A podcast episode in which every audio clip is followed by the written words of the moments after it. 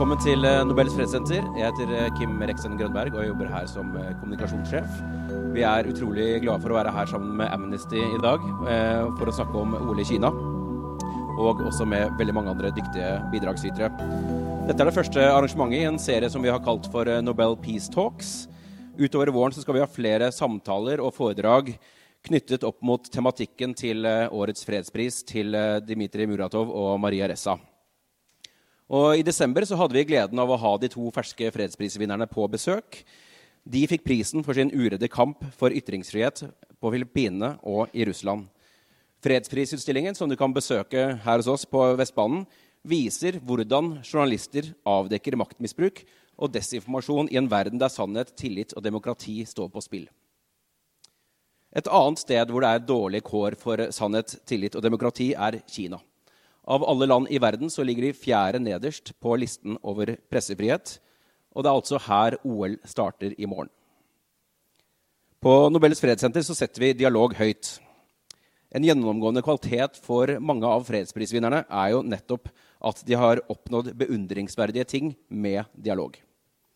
Sånn sett så var det paradoksalt at fredsprisen til Louis Chabot i 2010 satte en stopper for mange år med godt samarbeid og dialog mellom Norge og Kina. Annet så var det en årlig dialog om menneskerettigheter fra 1997. Og Fra gammelt av så har det vært stor gjensidig interesse for kulturutveksling mellom Norge og Kina. Seniorforsker på NUPI Bjørnar Sverdrup Tygeson trekker i en artikkel frem det norske borgerskapets fascinasjon for kineserier på 1800-tallet og Kinas vedvarende forkjærlighet for Henrik Ibsen. Og Der ble han faktisk kåret til en av de 50 mest innflytelsesrike utlendingene med størst påvirkning på det moderne Kina. De seks årene som fulgte etter fredsprisen i 2010, tilbrakte Norge i den berømte diplomatiske fryseboksen. Politiske møter ble avlyst, og norsk laks måtte ta omveien via Vietnam til kinesiske middagstallerkener. Det moderne Kina hadde frem til da aldri hatt en tilsvarende konflikt med et vestlig land. Også vårt eget arbeid med fredsprisen til Liu Xiaobo var utfordrende. Bildene til fredsprisutstillingen ble tatt av en fotograf som måtte reise undercover til Kina. Og vi syntes det var utrolig synd å ikke kunne navngi fotografen og skribenten, da de begge var veldig anerkjente navn. Seg imellom som nevnte fotografen og skribenten aldri Nobel eller Liu Xiaobo. De brukte heller 'our friend' i sin kommunikasjon. En av flere anonyme bidragsytere var ansatt i embetsverket. Vedkommende lånte oss brosjyrer, løpesedler og bilder fra 1988 og 1989 da hen og Amnesty i Norge drev kampanje for å løslate Liu Xiaobo etter fengslingen fra, fra protestene på Den himmelske fredsplass. Liu Xiaobo fikk, i motsetning til andre fredsprisvinnere, aldri komme til Oslo for å åpne utstillingen om seg selv. Han satt fengslet i Kina. I stedet fikk vi demonstranter på døra, flydd inn til Oslo antagelig av kinesiske myndigheter, for å markere sin motstand mot utstillingen. Men det er ikke bare fredsprisen til Liu Xiaobo som har ført til uggen stemning i forholdet mellom Norge og Kina. 21 år tidligere, da Dalai Lama ble tildelt fredsprisen, ble også forholdet spent. Vi holder som sagt dialog høyt. Som en del av den åpne dialogen er det selvsagt at vi ikke skal tie om menneskerettigheter. Og uavhengigheten til eh, Nobelkomiteen må selvsagt gå foran politiske interesser. Og Kanskje kan vi minne kinesiske Ibsen-fans om uh, dr. Stockmann som i en folkefiende fremstår som en varsler og ytringsfrihetens forkjemper. Den sterkeste mann i verden, det er han som står mest alene. Og alene sto Liu Xiaobo.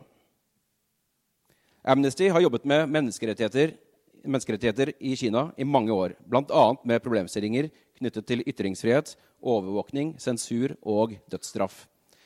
I 2021 kom de med en rapport om situasjonen for uigurene i Xinjiang, som kartla den systematiske overvåkningen, massefengslingen og tvangsarbeidet uigurene utsettes for. Med tildelingen av vinter-OL 2022 til Beijing har Amnesty jobbet med å sette fokus på sportsvasking, som betyr å ikke la Kina få utnytte OL til å skjule menneskerettighetsbrudd. The best weapon is to sit down and talk, sa Nelson Mandela. Nå er det altså idretten som byr på en sjanse til å snakke sammen. Og vi gleder oss til å høre fra både journalister og andre diskutere om det er slik at menneskerettigheter havner på sisteplass i OL.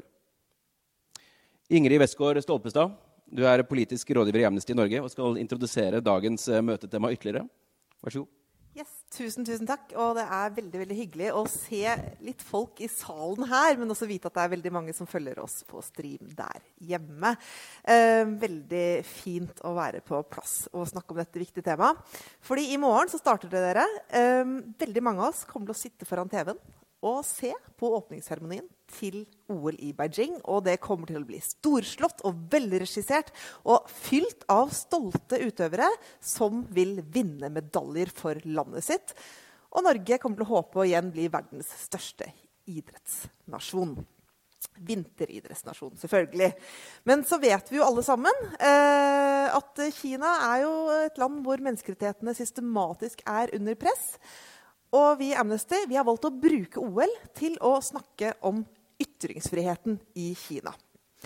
Eh, Kina er verdensmester i overvåkning. Det tror jeg vi kan si. De har verdens mest avanserte sensur- og overvåkningssystem. Og det merkes i det store og i det små. Veldig mange har hørt om Xinjiang, som jo allerede er nevnt. Der sitter én million muslimer, de fleste av dem uigurer, i såkalte omskoleringsleire.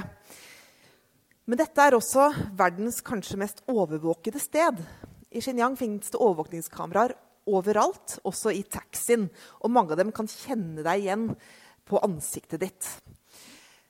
Ugurer som ikke er fengslet, de må hele tiden være på vakt for at de ikke sier eller gjør noe som kan oppfattes som ekstremistisk, såkalt. Og det kan være nok å snakke uigursk, eller at du ikke angir naboen din som snakker uigursk, for å havne i en interneringsleir eller fengsel eller forsvinne, rett og slett. Men dette gjelder, selvfølgelig ikke bare i Xinjiang, det gjelder også i andre deler av Kina. Det er hundrevis av nettsider. Eh, veldig mange kjenner til The Great Firewall of China som blokkerer eh, eh, Sørger for at mange nettsider blir blokkert eller forbudt. Og dette inkluderer jo selvfølgelig Facebook, Instagram og Twitter og mange, mange andre. Og nettsider som inneholder ord som Tibet, Tiananmen-massakren eller Amnesty International, er selvfølgelig sensurert. Men det gjelder også ordet Ole Brumm, for det er jo mange som harselerer med at han ligner litt på president Xi Jinping. Og hvis noen velger å gjøre et stunt under en medaljeseremoni under OL, så vil ikke kinesiske innbyggere se det. For TV-sendingene sendes jo med forsinkelse, sånn at det kan klippes bort. For norske utøvere og journalister som reiser til OL, så kommer de til å merke dette kanskje aller mest ved at de lever i en boble. Eh, da passer det jo også at man har covid eh, å skylde på. Eh, for, men de har også blitt pålagt å laste ned en app den heter My 2022 for sporing av covid. Organisasjonen Citizen Lab, som Amnesty har samarbeidet mye med, har avslørt at de som bruker appen, de kan rapportere såkalt politisk sensitivt innhold. Og appen, som da samler inn helsedata fra utøvere, journalister og andre, eh, man vet ikke helt hva som skjer med de dataene. Og det er flere land som jo anbefaler utøverne sine å reise til Kina med tomme mobiler. Vi mener i Amnesty at OL er et klassisk eksempel på sportsvasking. Altså at land, et land bruker stort idrettsarrangement for å overskygge menneskerettighetsbrudd. Og det dette forteller oss, er at det er ikke sånn at Kina ikke føler seg så mektige at de kan ignorere all kritikk. Nei, de er veldig opptatt av omdømmet sitt. Og det gir oss kanskje en mulighet. Så da er vi til spørsmålet vi stiller i dag. Kan og bør norske myndigheter, journalister og utøvere bidra til at menneskerettighetene blir et tema under OL? Og hva kan de i så fall gjøre? Vi har jo ikke utøverne her. De er i Beijing, de fleste i hvert fall. de som har kommet inn. Men vi skal høre fra journalister og politikere. Og den første vi skal høre fra, det er en av Norges mest profilerte sportskommentatorer, Leif Welhaven fra VG i et intervju vi tok opp på tirsdag. Det tok vi opp da fordi han skulle til Beijing. Nå sitter han dessverre Han kom seg ikke dit, for han fikk dessverre korona. Uh, men vi skal få se uh, intervjuet like fullt. Og han skal si litt om hvordan det blir å dekke dette idrettsarrangementet. Sammenlignet med andre han har vært på. Så får vi et veldig spennende panel etterpå. Det introduserer jeg etter at vi har hørt fra Leif Welhaven. Hallo, Leif. Hyggelig at du kunne bli med oss i dag. Og eh, du er jo en eh, ganske så ja, kjent kommentator og journalist i VG. Nå sitter du hjemme. Du skulle vel skulle egentlig ikke vært der, eller? Så, da, jeg skulle vært i de aller siste forberedelsene, men eh, de er foreløpig satt litt på vent. Det er eh, et visst eh, virus ja, som har gjort sitt inntog? Smitte hos først det ene barnet og så det andre barnet, og da røyk pappa også, gitt. Det er kjedelig. For det, altså Som journalist så er det ganske ja, viktig å være på ja, stedet der det skjer minst under altså, omstendigheter som er så spesielle som de er nå, så vil det jo være en enorm forskjell på hvilket grunnlag man kan gjøre jobben sin på, avhengig av om man får vært på stedet. Eh, og sett og opplevd og skildret. Eh, sett, uh, I sammenheng med å måtte skrive det man gjør, basert på inntrykk fra en TV-skjerm. Mm. Men altså, OL, det er jo idrett det dreier seg om i utgangspunktet. Ehm, I dette tilfellet, OL i Beijing, så er det jo flere ting som eh, har kommet på agendaen. Ehm, kan du si litt om hvordan du syns journalister bør forholde seg til OL altså, dette er jo en ekstremvariant av en problemstilling som etter mitt syn egentlig gjelder i alle olympiske leker. Men i Norge så har vi en sånn veldig tradisjon for at OL, eh, sikkert 99% av dekningen, er veldig sportslig orientert. Men uh, altså, Siden morgen så har idrett og politikk vært eh, veldig tett sammenvevd. Og særlig altså, OL har alltid hatt en politisk dimensjon. Det, det viser historikken tydelig. Men klart, nå har du et OL i, altså, i Beijing hvor du har eh, flere sammenfallende og forsterkende elementer. Som gjør at altså, den ikke-sportslige dimensjonen er mye mer framtredende og viktigere enn den eh, kanskje noensinne har vært før. For det er jo da dekket eh, OL i Tokyo for ikke så lenge siden. Eh, hva slags andre type forberedelser har du gjort til OL i Kina? Enn du, du må jo researche på en, altså, på en litt annen måte. Altså, du har jo selvfølgelig du, du, har jo to, du, du snakker om to hoveddimensjoner her. Det ene er en koronadimensjon, og den andre er den politiske dimensjonen. Og altså, koronadimensjonen så jo, er det jo pga. omikron som har kommet og det er enda strengere tiltak eh, i Kina, så er man jo forberedt på et regime at det som var strengt i Tokyo, vil bli enda mer ekstremt. Og bevegelsesfriheten enda mer begrenset i, i Kina enn, en, en det var i Japan. Men det du jo har som er et uh, bakteppe her, er det diskutable i at uh, OL uh, er lagt til et regime tuftet på et samfunnssystem og et menneskesyn som er veldig annerledes på en del punkter fra det vi er vant med og, og, og, verdsetter. Og det er jo da også altså, et relevant tema i hvilken grad f.eks. Altså, menneskerettighetsproblematikk altså, skal ha relevans for OL, og hvordan det, og hvordan det blir dekket. Mm. Men sånn som i VM i Qatar, så var det jo veldig sånn tydelig kobling mellom menneskerettighetsperiodene og, og, det som øh, og, ja, og hele fotball-VM. Øh, med at migrantarbeiderne bygger stadion. Men, men, her er det jo litt mer sånn at jo, i Kina så skjer det forferdelige brudd på menneskerettigheter hele tiden. Og så skal dette landet arrangere OL, så det er en litt annen type dynamikk her. Da. Men hvor viktig tror du det er å også ta tak i menneskerettighetsbruddene for altså, journalister. For det første så er det viktig ta det første du sier. For det, veldig ofte så blir man møtt med hvis du, Jeg har vært veldig eh, engasjert i Qatar-debatten. Og er jo veldig ofte der og blitt møtt med jammen, hva med OL i Kina? Hvorfor er det ikke samme boikottdebatten der? Osv. Så, videre. jeg bare lyst til å si det først, at den, altså den for, forskjellen du kommer med der, den er vesentlig. Altså du har en i Qatar så har du en veldig klar korrelasjon mellom valget av å tildele et mesterskap til Qatar og en, ute, og en omfattende utløst men, eh, menneskelig lidelse og, uh, og, og, høye dødstall som har en direkte sammenheng med VM. Det er også viktig at den dimensjonen som også handler, men, altså, handler om korrupsjonssiden, og at det er veldig godt dokumentert at uh, penger at pengedimensjonen rundt VM i Qatar tilsier at det har skjedd på en måte som ikke er legitim. Det er ikke dokumentert noe, tilsvarende rundt OL. så Derfor så er det ikke så rart etter mitt syn at du ikke har fått diskusjonen om en utøverboikott på samme måte som du har, hadde, hadde, i fotball-VM.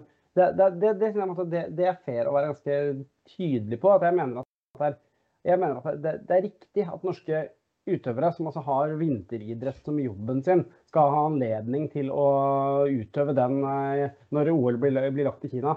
Det mener jeg er riktig. Eh, når det er sagt, så er det jo ingen tvil om at eh, de olympiske leker som nevnt har en politisk dimensjon. Og det er ikke noe tvil om at OL altså, blir brukt som et utstillingsvindu for det kinesiske regimet. Altså, det blir jo et verktøy verktøy for å vise at eh, alt er på stell, og, og skulle sole seg i en glans fra en enorm internasjonal eh, oppmerksomhet. Og ut fra, også ut fra det bakteppet så er det en viktig eh, dimensjon at, at altså offentligheten rundt Kina ikke utelukkende altså Da handler det om at man skal få brukt OL til å sole seg og fremstilt, bli fremstilt mest mulig positivt, men at nettopp de dypt alvorlige skyggesidene ved hvordan det kinesiske eh, regimet opererer, altså også får en uh, tilstrekkelig oppmerksomhet. Og I så måte så er altså OL relevant, selv om menneskerettighetsbruddet ikke kan direkte kobles til arrangementet. Føler du selv et ansvar for å ta opp de altså jeg har senest i dag uh, altså publisert en uh, artikkel som ligger ute, ute, på nettet nå og var i avisen i går, som, ta, som, som tar opp denne problematikken. Og jeg mener at det er en del av samfunnsoppdraget vårt, ja. Og så er det jo altså, altså diskusjonstema selvfølgelig hva gjelder vekting her. Er, eh, altså hvor stor andel av dekningen bør ta for seg den type problematikk? Og er det en forskjell på hva du gjør før, under og etter eh, lekene osv.? Her kan man ha ulike innfallsvinkler altså på hvor tungt man bør, bør, gå inn i det. Men at jeg føler et ansvar for det, og at medier både i Norge og, og internasjonalt har et ansvar for også å løfte fram eh, sportsvaskingsdimensjonen og, og menneskerettighetsproblematikken mener jeg er helt uh, åpenbart. Så kan man diskutere om, det, om det har vært nok eller ikke, men jeg syns vi har sett en dreining altså de siste årene hvor deler av sportsjournalistikken er i ganske markant endring. Fra å være veldig refererende og mer over i å ta for seg de, altså de, lange, de, større, de større, linjene. og jeg synes jo det, altså det, er, og det har jo ikke vært sånn at dette temaet har forblitt urørt. Og det vil sikkert være ja, skal ikke jeg gjøre meg til dommer om man er gode nok eller har nok journalistikk av, av, av, den typen, men jeg syns i hvert fall at eh, du ser tegn til at problemstillingen tas på alvor. Mm. Men uh, når det kommer til utøverne, du var så vidt inne på det, da. Uh, det er jo også, som du sa, annerledes med OL i Beijing enn VM i Qatar. Men likevel, syns du at utøverne har et slags i utgangspunktet så mener jeg det. Eh, altså, utøvere er forbilder, eh, og utøvere blir eh, hørt når man snakker. Og det er et problem egentlig generelt sett at altfor få utøvere engasjerer seg offentlig om andre ting enn sin egen lille sportslige boble. Og det er veldig viktig når man, altså når man velger å gjøre nettopp det. Uh, altså Qatar-VM hadde aldri blitt noe av hvis de største utøverne hadde, hadde stått opp tidlig. Men det har dessverre, dessverre ikke skjedd. Eh, det som jo selvfølgelig er ytterst problematisk i denne saken her, er jo de mer eller mindre skjulte truslene altså fra kinesisk side om å sanksjonere overfor utøvere som kommer med uttalelser som bryter med den olympiske ånd, eller hva det var, eller hva det var som ble uttalt. Det var, noe, det var, noe, i den retning. Og når vi da i tillegg ser at idrettsledere, både i IOC, men også i de, eh, også i de nasjonale særforbundene, i veldig liten grad har stått opp og protestert og krevd utøvernes eh, rett til å faktisk kunne, til å kunne tale fritt, så er det egentlig ikke så rart om de ikke tør.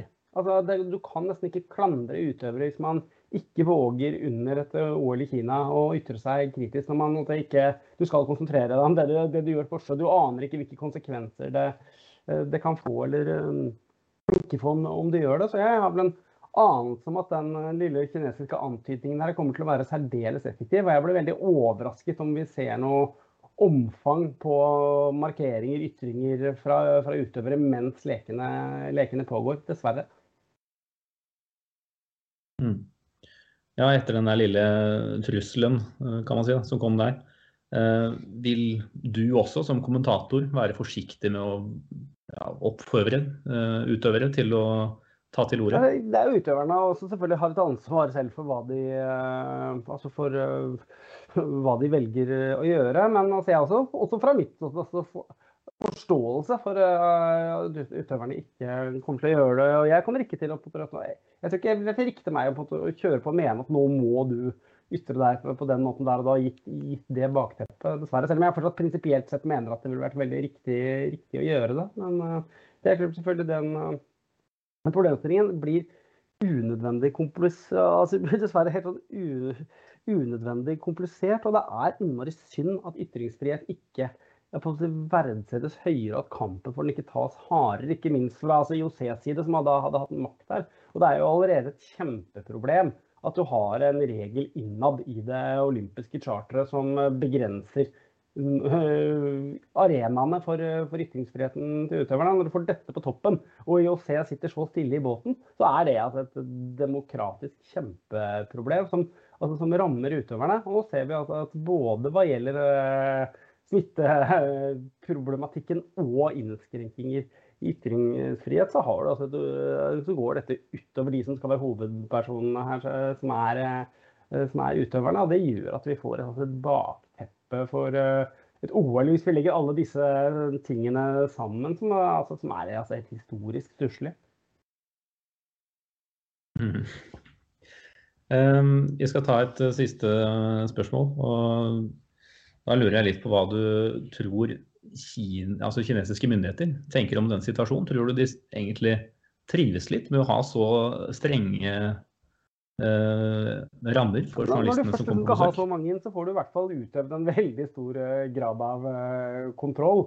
Og du har på en måte legitime grunner til å, til å bevare hendene på rattet gjennom hele, gjennom hele OL. på som da, Du vet akkurat hvor du er til enhver tid. Du fraktes kun i offentlig, offisiell transport. Det er ingen som forsvinner i restauranter eller butikker. Du ikke altså, hvem du kan snakke med der. og du har, ja, så, som gjør at uh, Det er vanskelig å vite hva kinesiske myndigheter måtte, måtte, tenke. Men uh, de, de, de, får jo i hvert fall satt premissene i veldig, stor, i veldig stor grad. og det og det er vel også på andre områder noe som harmonerer med hvordan man ønsker å ha det. Tusen takk for veldig eh, utfyllende og gode svar. Det er eh, artig å høre deg prate. Du har reflektert og spennende.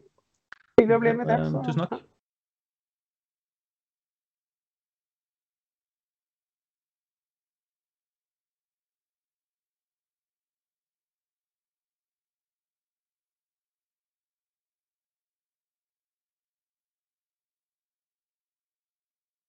Yes. Eh, det var da altså Leif Welhaven, sportskommentator i VG. Vi får se om han kommer seg til Beijing. Det blir spennende.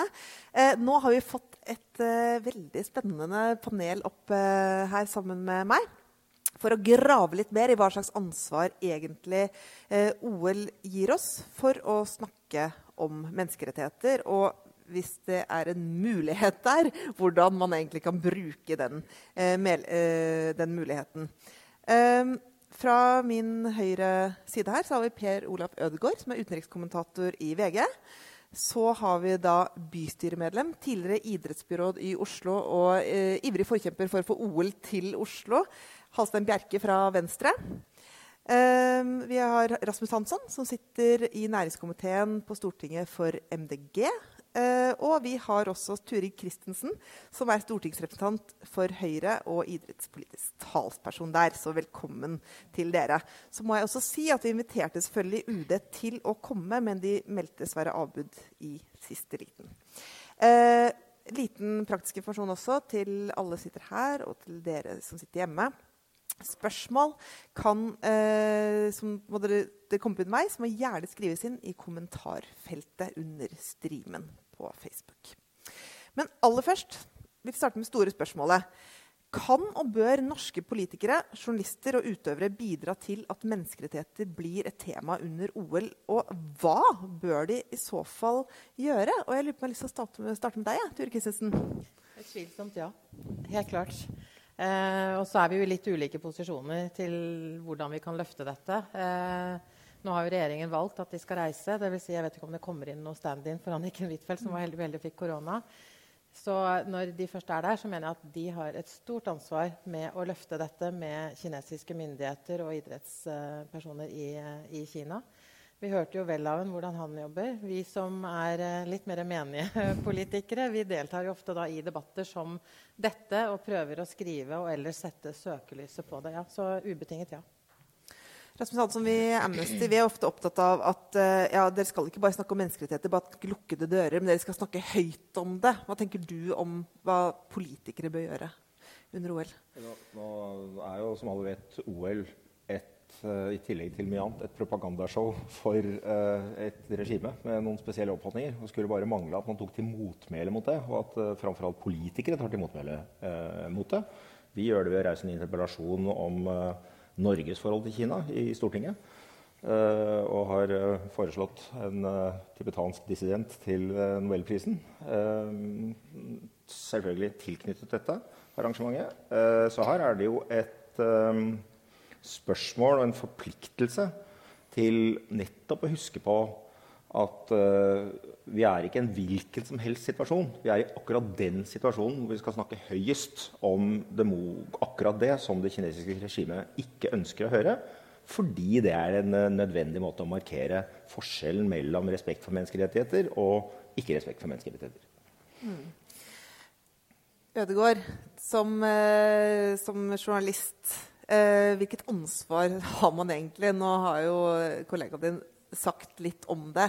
Men eh, hva tenker du om det ansvaret likevel som dere journalister har for å snakke om menneskerettigheter nå? Det tror jeg er et stort ansvar vi har, og det gjelder ikke bare under OL, men det gjelder jo uh, egentlig hele tiden. Og det er desto viktigere fordi um, Kina er blitt en så stor uh, aktør internasjonalt. De er så viktige.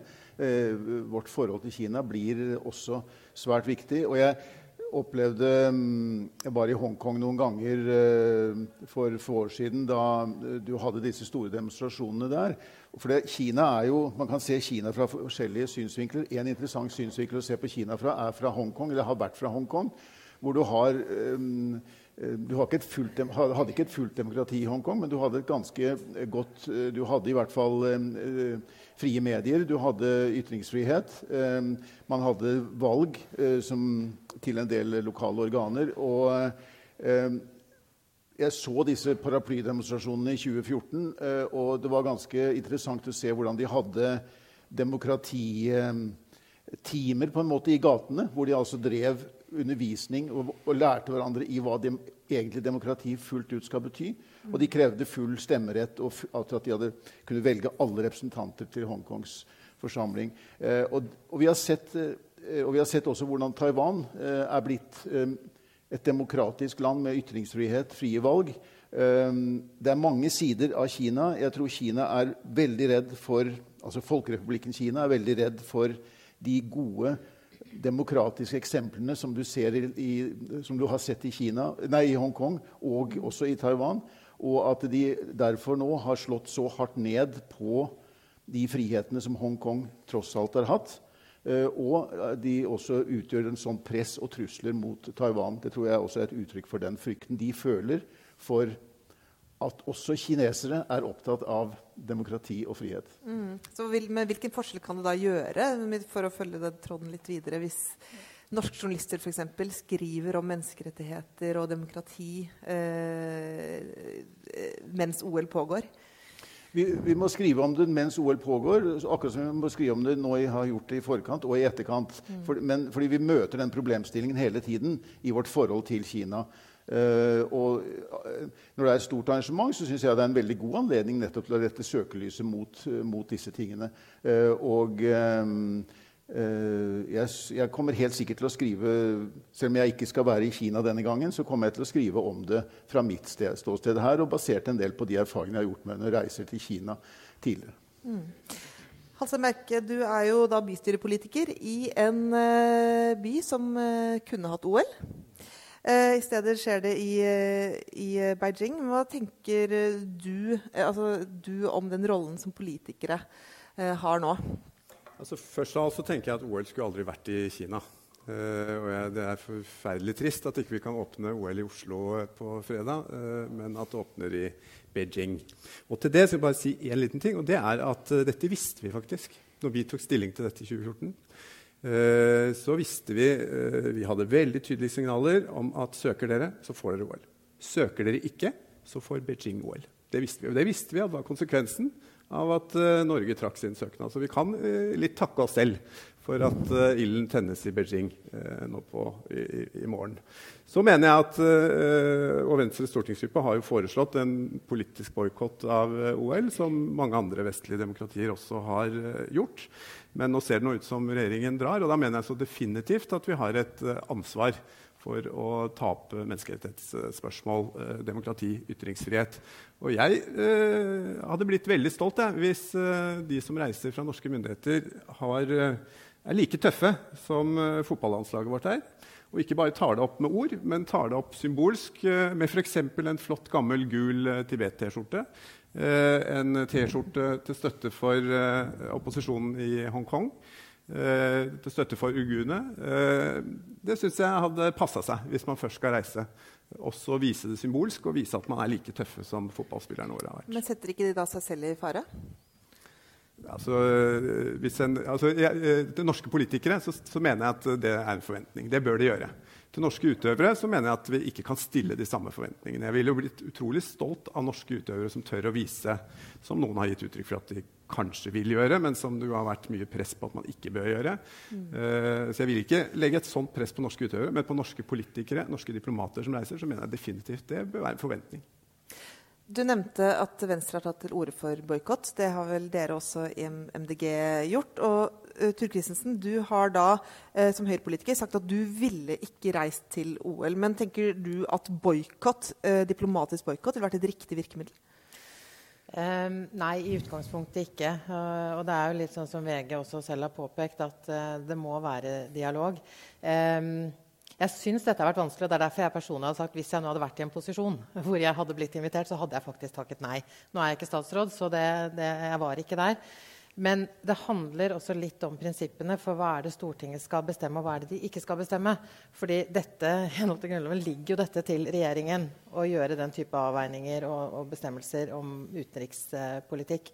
Men jeg har som sagt klare forventninger til at når de velger å reise, så har de et ansvar for å ta opp de alvorlige menneskerettighetssituasjonene i Kina. Og det må være tydelig for kinesere, og det må være tydelig for omverdenen. Så dette kommer vi til å følge spent med på.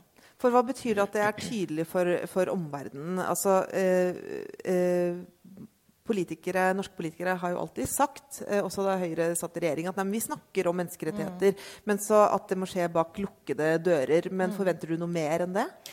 Altså, du kan jo kanskje sammenligne litt hvordan det var da Erna Solberg var i, i Russland. Eh, hvor det ble veldig dårlig mottatt, det som skjedde også bak lukkede dører, men som hun hadde også sagt offentlig utad at hun skulle ta opp, som handlet om menneskerettigheter. Det fikk også da oppmerksomhet i mediene, og ikke bare i norske medier.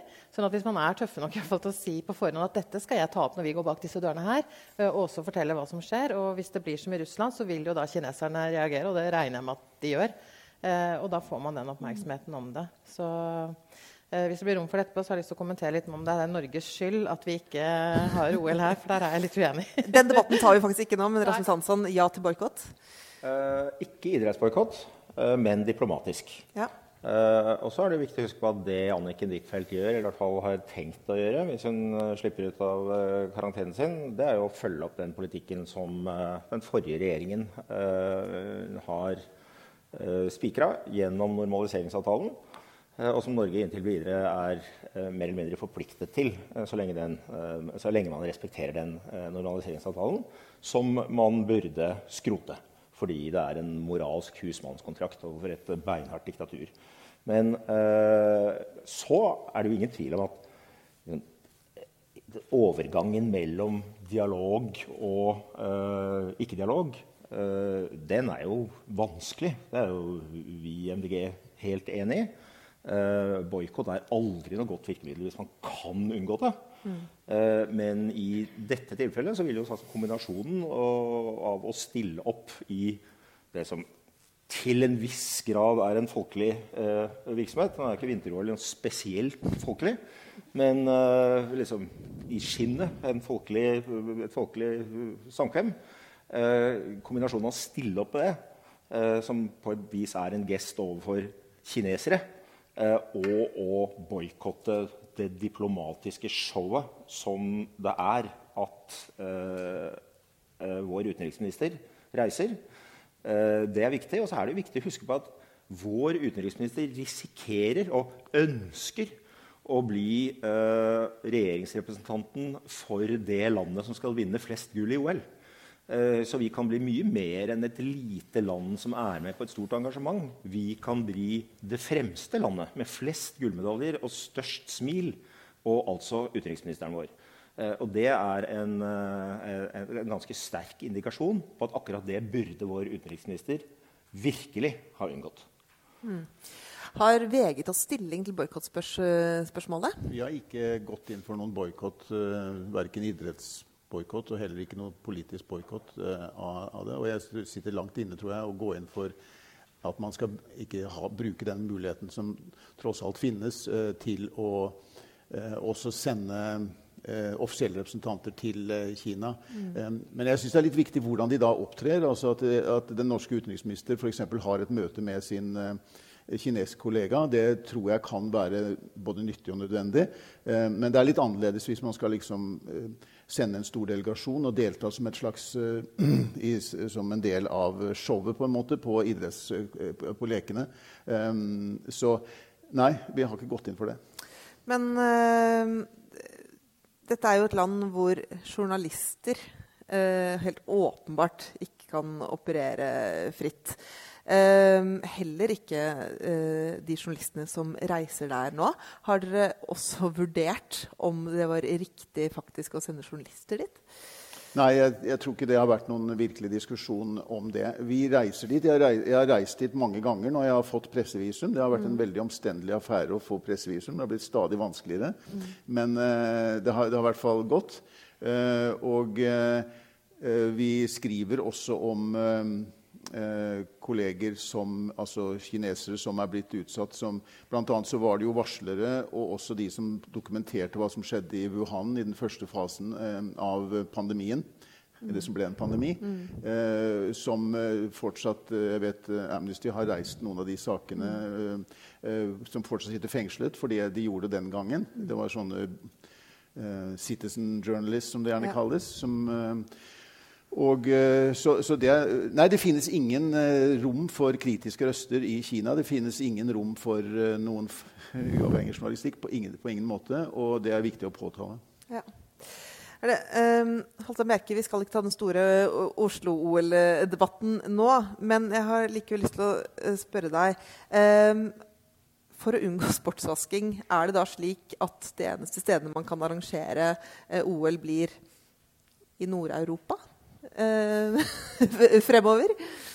Altså jeg tror i hvert fall at uh, vi som er uh, opptatt av å fremme demokrati, ytringsfrihet, menneskerettigheter, vi bør Og dette foreslår også for vår egen idrettsminister når vi hadde, hadde, den. Det ble ikke fulgt opp, så neste idrettsministeren kan jo få ta stafettpinnen videre. Jeg tror det er behov for at idrettsministre i demokratier eh, slår seg sammen, eh, tar med seg de olympiske komiteene sine og idrettsforbundene sine og, eh, og, tar et oppgjør med sportsvasking. Eh, lager seg noen regler, rutiner eh, for hvordan man sammen skal håndtere det. Vise at man er én blokk. og så kan man, om ikke vi skal si at OL og andre mesterskap bare skal kunne arrangeres i demokratier, så må vi i hvert fall være enige om at som én blokk så stiller vi noen krav som også handler om respekt for demokrati, menneskerettigheter, ytringsfrihet, til deg som søker. Eh, sånn at vi kanskje kan eh, bruke den type arrangementer også til å bidra til en positiv utvikling i den type land. Det var jo håpet bl.a. med eh, da Kina fikk OL. Og de lovte jo eh, full pressefrihet til journalistene som skulle komme dit, og demonstrasjonsfrihet rundt osv. Dette jo åpenbart, er jo åpenbart ikke tilfellet. Så det er kanskje vanskelig å se for seg at det faktisk vil manifestere seg. Man, eh, Rasmus Hansson? Jeg, tror, jeg er for så vidt helt enig med Hans Bjerke, det du sier, men det er bare ett ledd som må på plass før det. Og det er å gjøre OL til et arrangement som vettuge land i det hele tatt er interessert i å arrangere. Eh, fordi idrettens grunnproblem er jo at OL har diskreditert seg selv eh, totalt. Eh, både prismessig og politisk. Eh, slik at eh, i dette tilfellet, eller OL i Beijing og det hypotetiske spørsmålet om boikott, så går det an å fremme synspunktet hva gjør det å ikke være med på det arrangementet der, da? Eh, det er greit at folk er glad i å gå på ski, eh, men det får på en måte være grenser for eh, hva slags arenaer man skal mm. utøve skigleden sin på. Det, det burde være et problem for idretten. Og hvis vi klarer å gjenskape OL som noe noenlunde anstendig både pris- og ressursmessig, så vil det også være mye større sannsynlighet for at eh, også demokratiske land har mulighet til å få et folkeflertall til å si ja til å arrangere det. Ture Christensen? Ja, nei, jeg er enig med begge. Men jeg synes også dette viser noe av problematikken med at uh, OL er i Kina i dag. Og det er at idretten selv og IOC og for så vidt Fifa og Qatar har med all mulig tydelighet vist at de tar ikke sitt ansvar med hvem de tildeler. Eh, og jeg er helt enig med Rasmus Hansson her da. Altså, det var nok også grunnen til at jeg var enig at det var riktig å ikke si ja til OL. fordi man kan ikke bare legge seg på rygg for IOC heller. Eh, men jeg mener jo at Norge og andre vestlige land bør ta sitt ansvar og arrangere det her. Men vi må ha idretten med oss. IOC har beveget seg. Nå er det vel Tyskland og USA som har takket ja, eller som skal stå som arrangører neste gang. Men dette er en større operasjon. Og jeg tror at all den oppmerksomheten som også mediene har vært med på å skape om forholdene i Qatar, om det som nå skjer i Kina eh, Mitt håp er at det også er med og beveger idretten og IOC og IFA, sånn at vi slipper dette igjen. Eh, og jeg er enig med deg. Altså, eh, Qatar lovet eh, å ta vare på menneskerettigheter, full ytringsfrihet osv. Det samme har Kina gjort. De gjør det jo ikke. Så det er noe med hvilke land som faktisk får dette. De siste ukene så har NRK publisert eh, to dokumentarer som de har kalt 'Alt for Kina'. Eh, som flere her vil jeg tro kanskje har sett. Eh, de handler bl.a. om hvordan da den forrige regjeringen, eh, som vi jo kan si at vi har to som representerer hvert fall partier fra den regjeringen, lovte idrettssamarbeid til Kina som en del av oppmykningen av forholdet mellom Norge og Kina. Kina er jo et veldig viktig marked for Norge, og særlig for lakseindustrien. Um, er det i det hele tatt mulig å prioritere hard menneskerettighetskritikk eh, samtidig som man ønsker å få åpne markedet? Og jeg har egentlig litt lyst til å eh, starte med deg. Ja. Fordi dere i VG har eh, vært ganske kritiske til Norges eh, eh, linje overfor Kina på kommentarplass i ganske mange år. Er, du, du, er, det, er det mulig å være både en hard menneskerettighetskritiker og få markedsadgang for norsk laks? Det er et krevende, krevende, spørsmål. Vi så jo at handelen med Kina fortsatte i den perioden da vi var i, i fryseboksen. Var, det diplomatiske samarbeidet ble brutt. Kina brøt det etter eh, fredsprisen i 2010. Men handelen fortsatte. Når Kina var interessert i varer, så, så kjøpte de. Um, jeg tror at uh, dette å stille uh, selskaper til ansvar, det er um, det tror jeg vi skal gjøre. Det tror jeg er, er viktig å gjøre. Jeg har ikke så veldig store illusjoner der. Jeg, jeg, hørte en kollega i Washington Post som hadde snakket med disse det var ikke norske, da, men store eh, internasjonale selskaper som er hovedsponsorer for, eh, for OL, også OL i Beijing. I Beijing. Um, og ingen av de ville si et kritisk ord om arrangøren eller forholdene for menneskerettighetene i landet.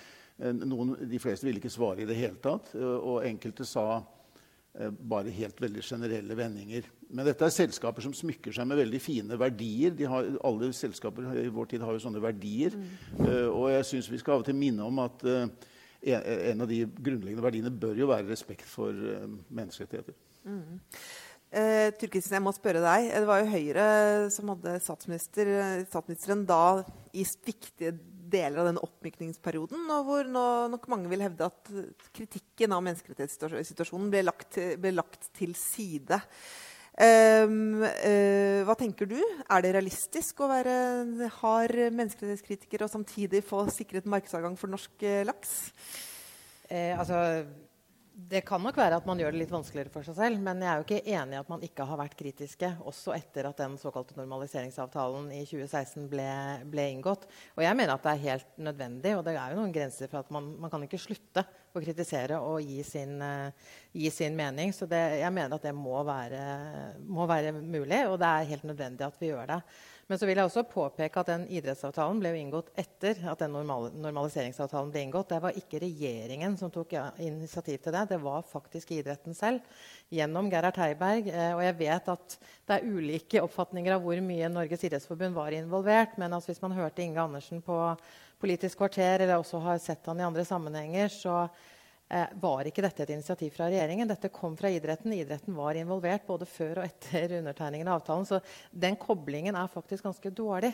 Eh, og dette er avtaler som vi har hatt også tidligere. Men eh, det er klart at ja, det er viktig at vi eksporterer laks. Eh, jeg syns det var skremmende å se den eh, smuglerrutedokumentaren og ble veldig overrasket over det. Men vi er helt nødt til å fortsette å si vår mening og kritisere. fordi det som skjer med uigurene, det som skjer med Tibet det som skjer, Og vi ser også hvordan Litauen nå blir utsatt for kraftige reaksjoner fra Kina fordi de har eh, et normalisert forhold til Taiwan. Heldigvis så står EU opp. Det er meldt inn for WHO. Så vi må stå sammen, rett og slett. Eh, Hasse Bekke, jeg må spørre deg også. Eh, dere jo, er jo eh, svært kritiske til Kinas menneskerettighetsbrudd eh, nå. Var det også før dere gikk inn i regjering, men noen vil kanskje hevde at dere dempet det litt da dere var i, re eh, i, regjering. Hva tenker du nå om eh, forrige regjeringens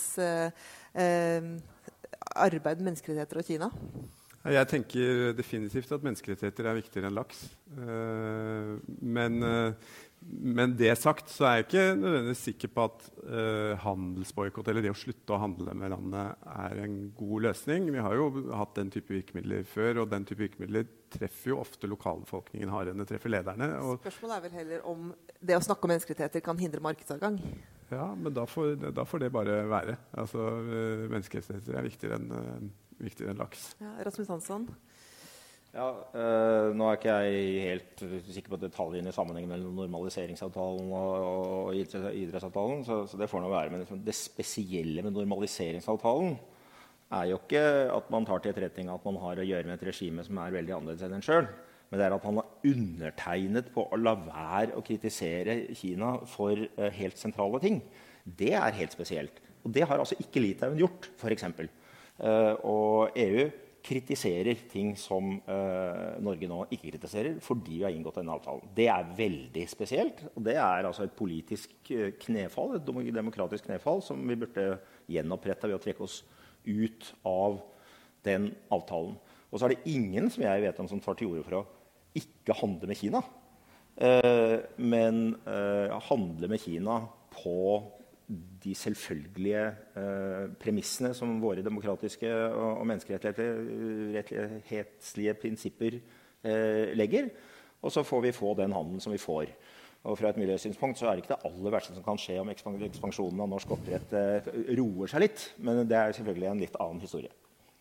Vi har fått noen spørsmål fra salen. og Det er bare å fortsette å sende inn spørsmål ved å skrive i kommentarfeltet under streamingen.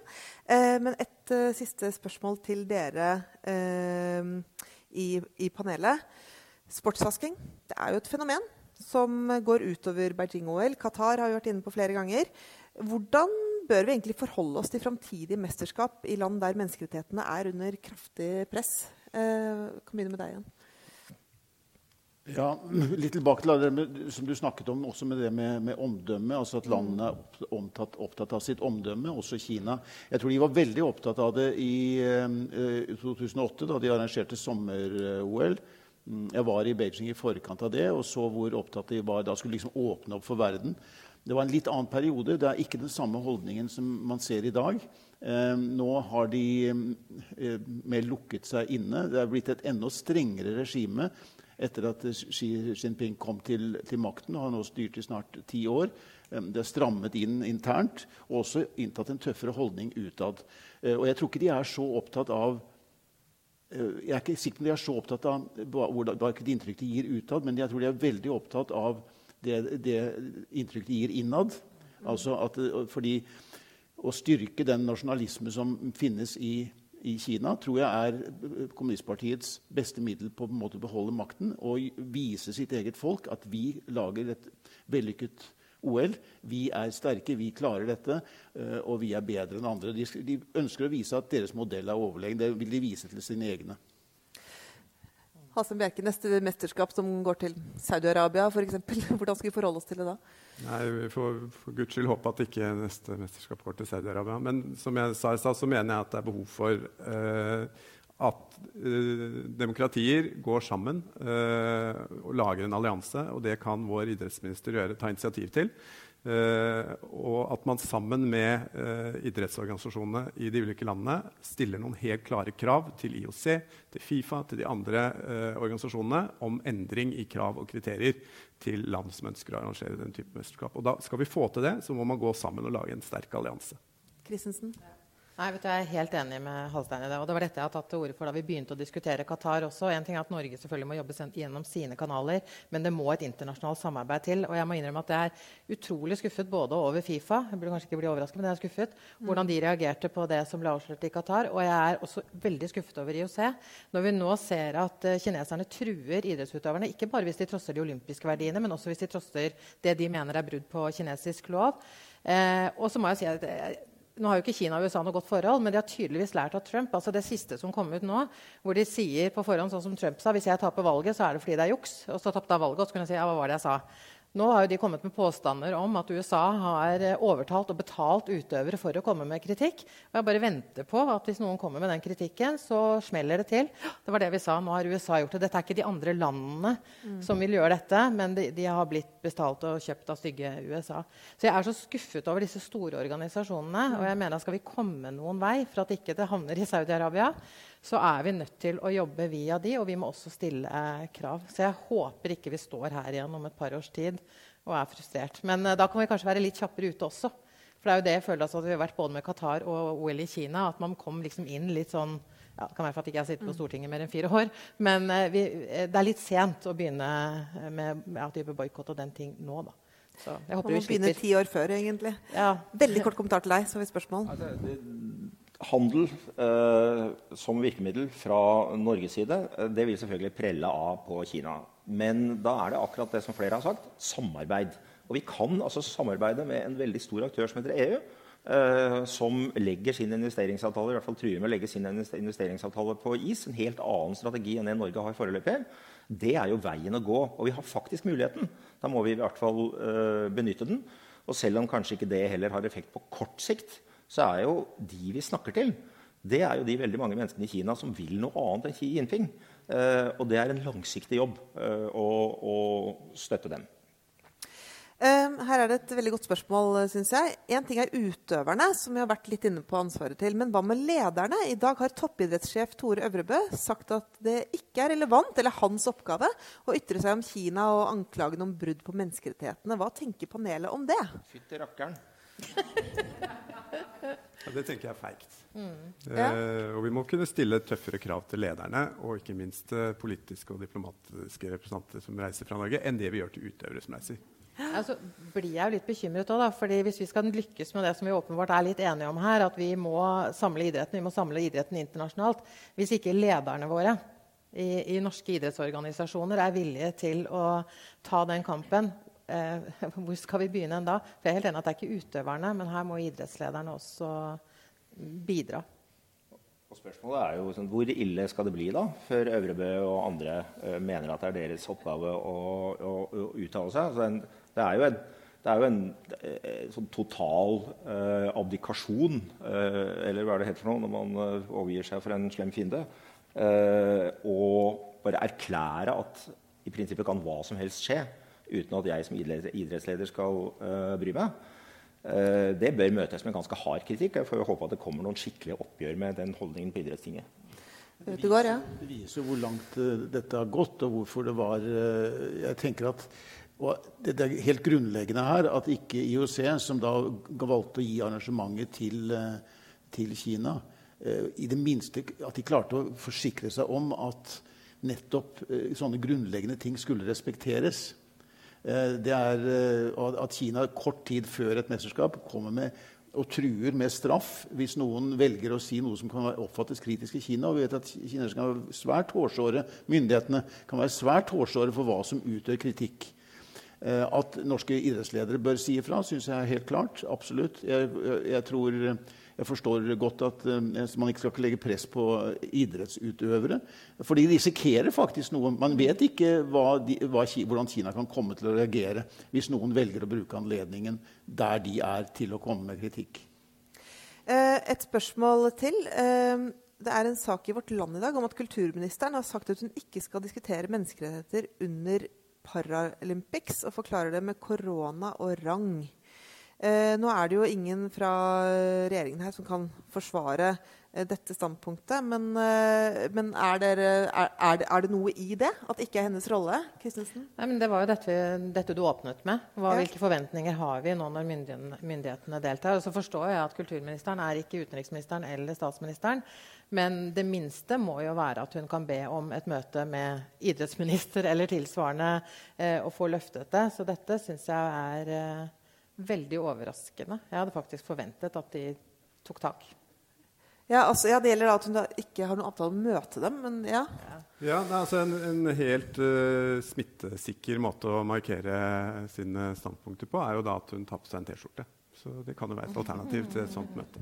Vi i Amnesty har noen gule T-skjorter som, uh, som, vi kan sende. Um, det er også et spørsmål til deg, Halstein Bjerke, om uh, Venstres rolle. Venstre forsvarte den såkalte normaliseringsavtalen og hadde ved næringsminister Iselin Nybø ansvar for frihandelsforhandlingene med Kina mens dere satt i regjering. Og to uker uker etter regjeringsskiftet sa partileder Guri Melby at Venstre er mot begge deler. Hvordan skal vi forstå dette her? Ja, nei, det vet jeg ikke om jeg klarer å hjelpe til med å oppklare. Men, eh, men jeg, altså jeg er for internasjonal handel, men jeg er ikke opptatt av at vi må uh, ha den handelsavtalen med Kina som man nå er i ferd med å, å forhandle frem. Og det viser jo eksempler fra f.eks. Australias handelsavtaler at det ikke nødvendigvis er en veldig god idé. Så uh, det er ikke meg imot om man stopper de Eh, frihandelsavtaleforhandlingene. Du kan jo ja. være med å forsvare din uh, partikollega litt. Men dette er en forhandling som har holdt på, holdt på siden 2008. Riktignok med en pause da vi var i fryseboksen. Men noe av det som gjør det vanskelig, er jo også fordi man vil stille krav. Eh, og om det lykkes og sånn. Men de, de har altså holdt på med dette nå snart i 15 år. Så hvorvidt vi kommer i mål, og om vi i så fall ikke kommer i mål fordi vi ikke får gjennomslag for de kravene om arbeidstakernes rettigheter, om menneskerettigheter og den type ting, ja, da har vi handel. Kina er vår asiatiske største handelspartner allerede i dag, og vi kan klare å fortsette med det. Men uh, jeg syns man skal ja, se på hvordan dette kan være. Og så registrerer jeg at MDG har endret seg fra det man har hatt som policy ute på nettsiden, i hvert fall, om at man skal jobbe med en handelsavtale og jobbe med menneskerettigheter og den type ting gjennom det òg. Så vi får se, da. Sånn du skal få svare på det. Også, Nei, vi, vi, har aldri hatt en policy at vi skal jobbe med en handelsavtale med Kina. Vi er for internasjonal handel uh, på, uh, på, demokratiske premisser. Vi er veldig uenige med de partiene i Norge som uh, har lyst til å sette en ring mot Norge for å ta vare på vår velstand. men det betyr ikke at vi skal selge demokrati og menneskerettigheter for å få solgt laks.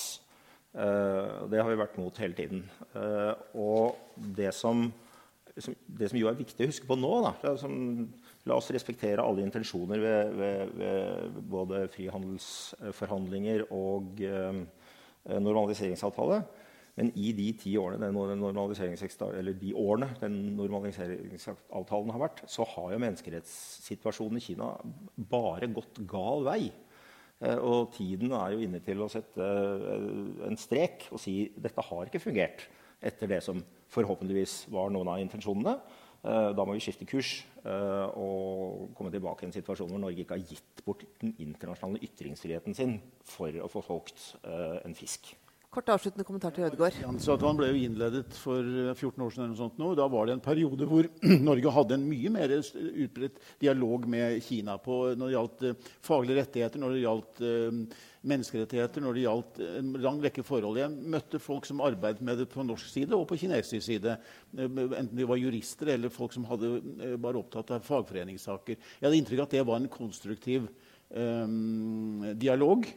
Og i den atmosfæren så startet man disse frihandelsforhandlingene. Jeg tror det som har skjedd, Vi skal, skal ikke se lenger enn til Litauen for å se hvordan Kina er villig til å opptre med å bruke handel som et pressmiddel mot et lite land et lite land som Norge er alliert med, og som er oss nær på mange måter.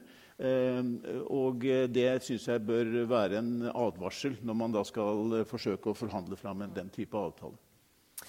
da er vi dessverre nødt til å runde av. Tusen tusen takk til panelet for utrolig eh, synes jeg, eh, interessante eh, innspill i løpet av samtalen. Og takk til dere som var her i Nobels fredssenter, og dere som har fulgt med på nett. Neste arrangement her på Nobels fredssenter er torsdag 17. februar klokka fem til klokken seks. Og kan, da kan du lære om hvordan bli en god faktasjekker i samarbeid med faktisk.no. Det syns jeg i hvert fall høres ganske gøy ut.